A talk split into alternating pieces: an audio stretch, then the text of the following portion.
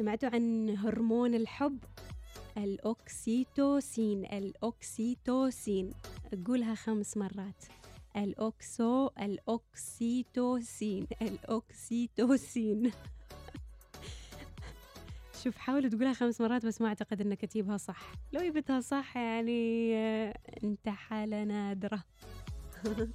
طيب إيش هو هرمون الحب مستمعينا؟ آه الأوكسو الاوكسوتوسين يقول لكم هرمون يطلق عليه هرمون الحب لأن مستوياته ترتفع عندما يكون الناس في علاقات إيجابية وشغوفة.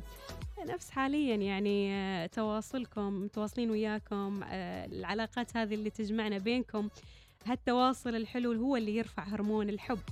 يقول لكم هذا الهرمون مستمعينا يساعد الأمهات في الارتباط مع أطفالهن يعزز التأثيرات المضادة للإجهاد خفض ضغط الدم ومستويات الكورتيزول يعزز الصحة النفسية. كيف ممكن تزيد من هرمون الحب؟